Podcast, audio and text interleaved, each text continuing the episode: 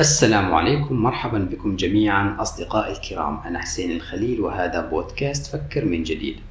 وقبل البدء أريد أن أنوه إلى مسألة مهمة وهي أن كل فكر بشري لا يعطى صفة القداسة ولا الحقيقة المطلقة.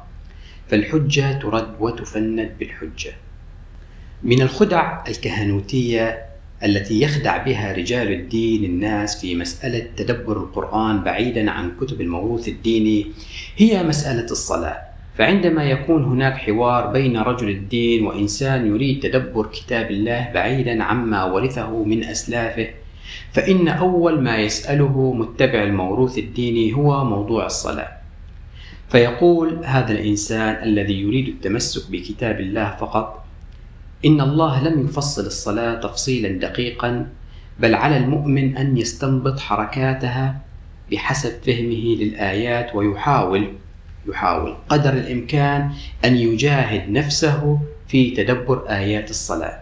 فيأتي هذا الشيخ الجليل رجل الدين ليخدعه ويباغته بهذا السؤال فيقول له أيوة يعني أنت بدك تصلي على كيفك أو على مزاجك. طبعا هو يقولها بنبرة استنكار فيحتار هذا المسكين بالجواب فلا يستطيع أن يجاوب بنعم أصلي على كيفي لأنه يظن بأن هذا الجواب كفر بالله ويخرجه عن الملة كما يظن ولا يستطيع أن يجاوب بلا لأن جوابه يعني أنه بحاجة لكتب الموروث الديني التي فصلت لنا الصلاة. وأعيد وأكرر أن الروايات لم تفصل لنا الصلاة. فلا يوجد رواية واحدة فقط. رواية واحدة فصلت الصلاة بشكل كامل بل الروايات الموجودة قد فصلت جزئيات من الصلاة. لكن المتمسك بالموروث الديني ورث هذا المفهوم أن الروايات هي من فصلت الصلاة وأصبح يجادل بهذا المفهوم من دون علم. تماما كأصحاب مفهوم أن الاجتناب أشد من التحريم فهم أيضا ورثوا هذا المفهوم من فقهاؤنا الأفاضل وترسخ بعقولهم وأصبحوا يدافعون عنه. فعلى هذا المبدأ فإن الله أمرنا باجتناب الظن. اجتنبوا كثيرا من الظن. فبحسب مفهوم هؤلاء فإن الظن أشد من قتل النفس والشرك بالله وعقوق الوالدين وأكل مال اليتيم. استنبطوا مفاهيمكم من القرآن ولا ترثوها. وبالعودة إلى موضوعنا. فيأتي هذا الشيخ الجليل ويباغته بهذا السؤال بقوله يعني أنت بدك تصلي على كيفك. والجواب بكل بساطة وسهولة طبعا بدي أصلي على كيفي اللي على كيفك أنت وعلى كيف شيوخك. ليش هذه الصلاة يلي نحن نصليها اليوم على كيف الله ما هي على كيفكم أنتم؟ أنتم من زدتم عليها أشياء لم يذكرها الله. ومع هذا فأنتم مختلفين فيها في كثير من الأشياء. فمثلا حركة الإصبع يلي بالأصل غير موجودة بالقرآن ولا حتى مجرد تلميح لها وما أعرف من وين جابوها. فمثلا هناك من يحرك إصبعه بهذه الطريقة حركة واحدة. واحد بس. وهناك أيضا من يحركه حركتان. وهناك من يستمر بتحريكه طيلة الجلوس باستمرار بهذه الطريقة. وهناك أيضا من يحركه بنفس الطريقة ولكن بحركة دائرية يعني دويرة يعملها. هكذا. وهناك من يحركه أيضا بحركة مائلة هكذا. وكل فئة لديها أدلتها التي تراها صحيحة وتخطئ غيرها.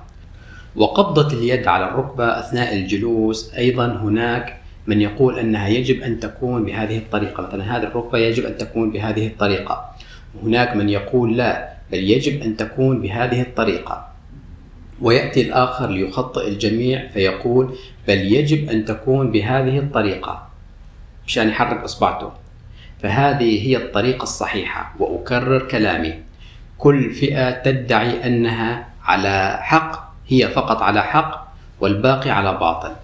حتى أنني في هذا الموضوع عندما كنت سلفيا تناقشت مع أحد مقدساتي الذين لا يجوز الخروج عن تعاليمهم فذكرت له طريقة قبضة الكف فقال يجب أن تكون بهذه الطريقة. هذه الطريقة. وعند التشهد تكون بهذه الطريقة. يعني حلقة والإصبع يتحرك. فهذا ما كان عليه النبي. والله كل يدعي وصلا بليلى وليلى لا تقر لهم بذاك. فقلت له يا شيخ خلاص نحط إيدنا بأي طريقة والله أكيد راح يقبلها. فأنكر أنكر علي هذا الكلام إنه كيف تقول نحطها شلون ما كان. بل يجب أن نضعها بالطريقة التي نقلها لنا العلماء فهذه هي الطريقة الصحيحة. ونأتي إلى وضع الكفين. بداية بالنسبة للشيعة ريحوا حالهم وأسبلوا إيديهم. بينما أهل السنة قالوا لا بل يجب وضع اليدين. فهناك من يضعها على الصدر وهناك من يضعها تحت الصدر وهناك من يضعها تحت البطن أو على البطن وهناك من يضعها تحت السرة.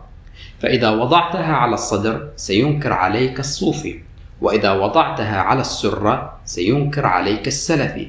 بل وحتى طريقة وضع اليدين اليد اليمين فوق الشمال مختلفين فيها. فهناك من يضعها بهذه الطريقة كأنه ممسك بها. وهناك من يضعها بهذه الطريقة. وهناك أيضا من يضعها بهذه الطريقة كأنه ممسك بالساعد بأكمله حتى المرفق. فأي طريقة هي الصحيحة؟ وأكرر نفس الكلام أن كل فئة لديها الأدلة التي تستند إليها في هذه الأمور وتخطئ غيرها.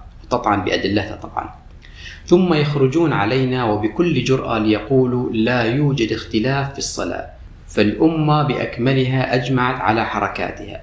وفي حقيقة الأمر فإن علماء الأمة وحذاق الأئمة في جميع طوائفهم وأحزابهم لم يجمعوا إلا على تعطيل عقول الناس وتكفير متدبري القرآن. وحتى يقللوا من أهمية هذا الكلام. يقولوا هذه الحركات البسيطة ليست من الأصول. فاختلاف العلماء رحمة. حركات بسيطة وليست ذات أهمية لكن جرب أن تخالفهم بها حتى يفسقوك. بالله عليكم. من الذي عقد الناس بهذه الحركات التي لم يتفقوا عليها؟ أليسوا هم رجال الدين؟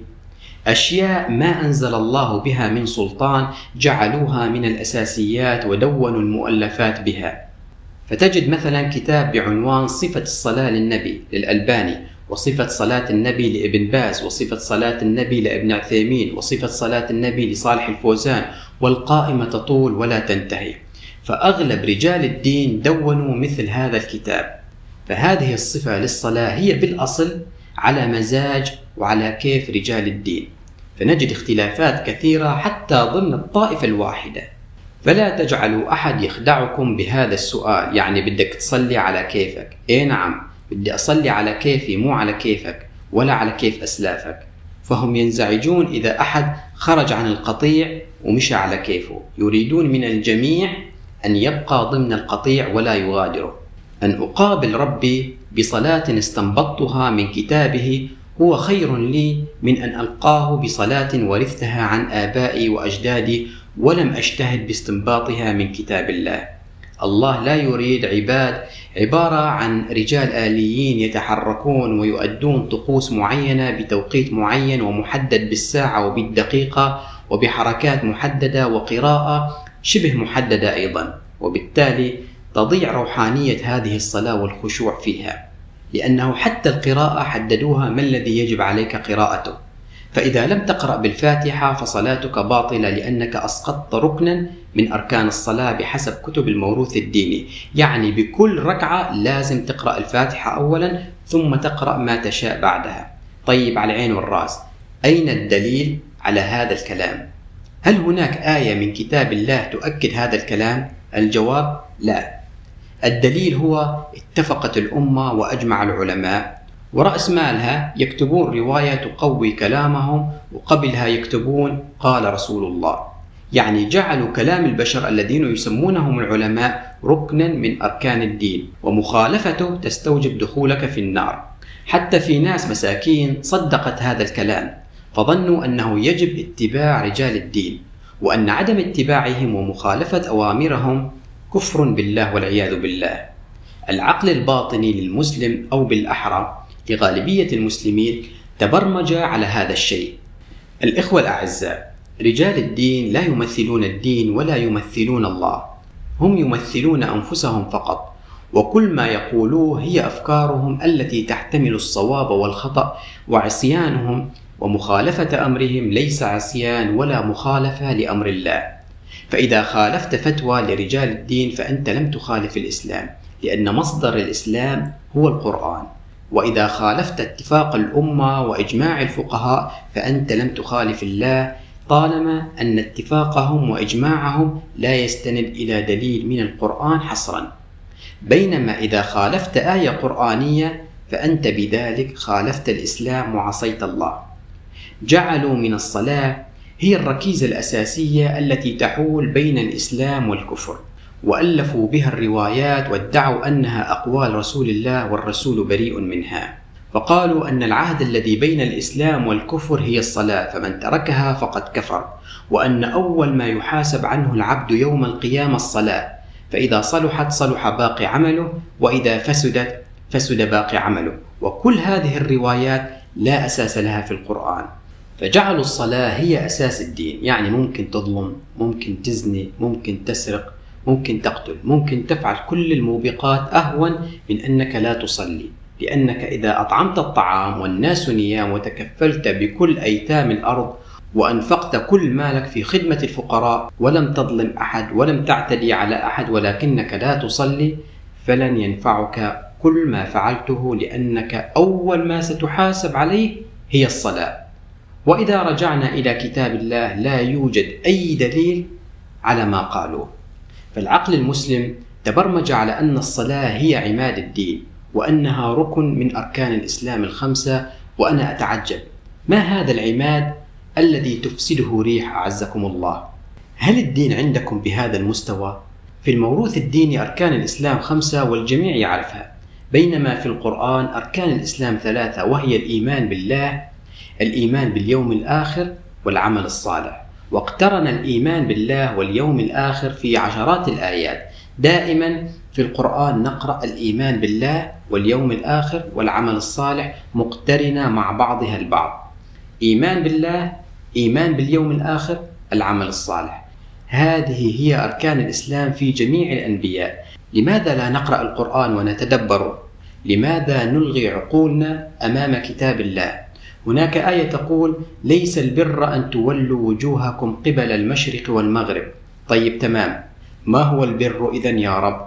فيجيبنا الله سبحانه وتعالى بقوله ولكن البر من آمن بالله واليوم الآخر والملائكة والكتاب والنبيين وآتى المال على حبه ذوي القربى واليتامى والمساكين وابن السبيل والسائلين وفي الرقاب وأقام الصلاة. وأقام الصلاة وآتى الزكاة والموفون بعهدهم إذا عاهدوا والصابرين في البأساء والضراء وحين البأس أولئك الذين صدقوا وأولئك هم المتقون هل لاحظتم شيئا في هذه الآية؟ أين موضع الصلاة في هذه الآية العظيمة؟ أين هي موضع ثاني ركن من أركان الإسلام وعماد الدين؟ ذكر الله في البداية الإيمان به واليوم الآخر والملائكة والكتاب والنبيين. ثم بدأ بالعمل الصالح بالإنفاق على ذوي القربى والأيتام والفقراء. ومن ثم ذكر الصلاة بغض النظر عن مفهوم إقامة الصلاة والفرق بينها وبين تأدية الصلاة لنعتبر أن المقصود بها هي الصلاة الحركية التي نؤديها يوميا. طالما أن الصلاة هي عماد الدين وأنها الركن الثاني من أركان الإسلام كما يقول فقهاؤنا الأفاضل. فلماذا لم يضعها الله في المقدمة بعد الإيمان به؟ طالما أنها أول ما سيحاسب عنه العبد يوم القيامة. لماذا وضعها في آخر الآية وقدم عليها العمل الصالح؟ وهناك أيضا آية تقول ومن يؤمن بالله ويعمل صالحا يدخله جنات تجري من تحتها الأنهار خالدين فيها أبدا قد أحسن الله له رزقا. هنا الإيمان بالله والعمل الصالح وبالتأكيد الإيمان بالله مقترن بالإيمان بيوم الحساب وبالوعد بإدخال الجنة التي تجري من تحتها الأنهار لم يأتي ذكر ثاني ركن من أركان الإسلام وعموده فيها.